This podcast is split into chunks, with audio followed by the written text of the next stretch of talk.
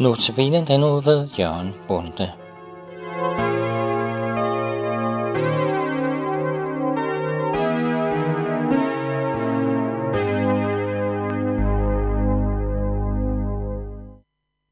Jeg byder lytterne velkommen til studiet, og jeg hedder Jørgen Bunde, og jeg har denne uges notabene andagter. Jeg vil også i dag gå ind og tale noget om et skriftord fra Esajas' bog i Bibelen. Og i dag har jeg tænkt mig, at det skal være fra Esajas bog til 6. kapitel. Dette kapitel hos Esajas er opdelt i to markante enkelte afsnit. Først hører vi om, hvordan Esajas blev kaldet til Guds profet, og så hører vi om hans tjeneste og opgave, som han får af Gud. Og jeg har tænkt mig at læse de første 11 vers som indledning. Det står på side 609. Der står, i kong Usias dødsår så jeg herren sidde på en, en højt ophøjet trone, og hans slæb fyldte templet. Seraffer stod omkring ham. De havde hver seks vinger, med de to skjulte de ansigtet, med de to skjulte de fødderne, og med de to fløj de. De råbte til hinanden, Hellig, hellig, hellig er herskars herre. Hele jorden er fuld af hans herlighed. Deres råb fik dørtapperne til at ryste, og huset fyldtes med røg. Der sagde jeg, ved mig, det er ude med mig, for jeg er en mand med urene læber. Jeg bor i folk med urene læber, og nu har mine øjne set kongen, herskars herre. Men en af serafferne fløj hen til mig. I hånden havde han et stykke glående kul, som han havde taget fra alderet med en tang. Han berørte min mund og sagde, Nu har dette rørt dine læber. Din skyld er fjernet, og din synd er sonet. Der hørte jeg Herren sige, Hvem skal jeg sende? Hvem vil gå bud for os? Jeg svarede, Her er jeg, send mig. Så sagde han, Gå hen og sig til dette folk. I skal høre og høre, men intet fatte. I skal se og se, men intet forstå. Dæk dette folks hjerte med fedt, Gør deres ører tunge, luk deres øjne til, for at de ikke skal se med øjnene, høre med ørerne og fatte med hjertet og vende om, så han må helbrede dem. Ja, amen. Jeg stopper her. Jeg vil her i min andagt især fokusere på det sidste afsnit, som jeg læste op. Jeg vil fokusere på den opgave, Esajas får som profet for sit folk. Baggrunden er altså, at Esajas kom til at se sig selv som en fortabt sønder i mødet med den hellige Gud. Og så, når man møder Gud, så ser man sin egen urenhed.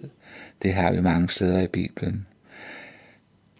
Isaiah ser, siger, jeg har urene læber og bor i et folk med urene læber.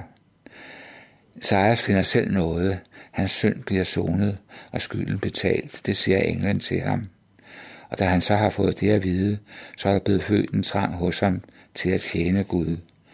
Det følges ofte ad. Han var nu parat til en tjeneste i Guds rige. Og han er lydig, da Gud i vers 8 søger efter en, der vil gå bud for ham. Så får Isaias en opgave, som nok har overrasket ham. En hver kristen, som lige er kommet til tro, vil vi gerne gå til andre mennesker med det evangelium, de selv er blevet frelst ved. Men det er så vel at mærke den hensigt, at mennesker omkring vedkommende også selv skal komme til tro og blive frelst. Her får Esajas faktisk den modsatte opgave. Han skal tale, så folket vender sig endnu mere væk fra Gud, end de var før. At de skal blive helt døve for, hvad Gud taler til dem. Der er en tråd op til Ny Testamente her, som er vigtig. I Matthæus evangeliet, det 13. kapitel, forklarer Jesus til disciplene, hvorfor han taler i lignelser til folk. Det er så efter Esajas' tid, og på trods af alt, hvad der var sket siden med besættelse af fremmede magter og ødelæggelsen af templet. Israels folk var stadig døve for Guds ord. Derfor må Jesus også tale i lignelser for, til dem, og han ved godt, at de vil ikke forstå, hvad det drejer sig om, disse lignelser, undtagen hans egen disciple. Esajas var også et syndigt menneske i sig selv, men han, han erkendte det og bekendte det. Han var modtagelig for Guds ord og lod det virke hos sig. Til forskel fra det troede Israels folk, at alt var i orden med dem i forhold til Gud. Og når de hørte Guds ord, så medførte det ingen syndserkendelse hos dem. De lukkede af fra at høre Guds ord og fjernede sig mere og mere fra Gud. Så må vi spørge, hvordan er det i dagens Danmark? Der må vi jo sige, at de fleste er helt uden for Guds ords rækkevidde. Mange får det aldrig at høre. Og der er ingen syndserkendelse eller syndsbekendelse hos de fleste. Synd er blevet et ukendt begreb, nærmest et fremmed ord, kan man sige. Der findes nok mange religiøse mennesker, også i dagens Danmark. Mange spørger efter en Gud, men Gud skal helst være tilpasset vores behov. Gud må være tilfreds, bare vi tilslutter os ham. Vi vil have lov at leve, så det passer os. Men det er ikke at tro på Gud. Gud beviser os selv til Jesus som vores stedfortræder og vores frelser. Og er vi kommet til tro på Jesus og tror, at han led døden for vores eller for mine personlige synders skyld, så skiller vores synder os ikke længere fra Gud. Men Israels folk ville heller ikke tro på Jesus, da han kom, da han blev født som menneske. De havde ikke brug for en frelser, mente de. Så må jeg jo spørge, har du det? Du som lytter til denne andagt. Er du kommet til Gud med al din synd, og har du fået tilregnet Jesus retfærdighed? Det spørgsmål vil jeg lade ligge og være til eftertanke.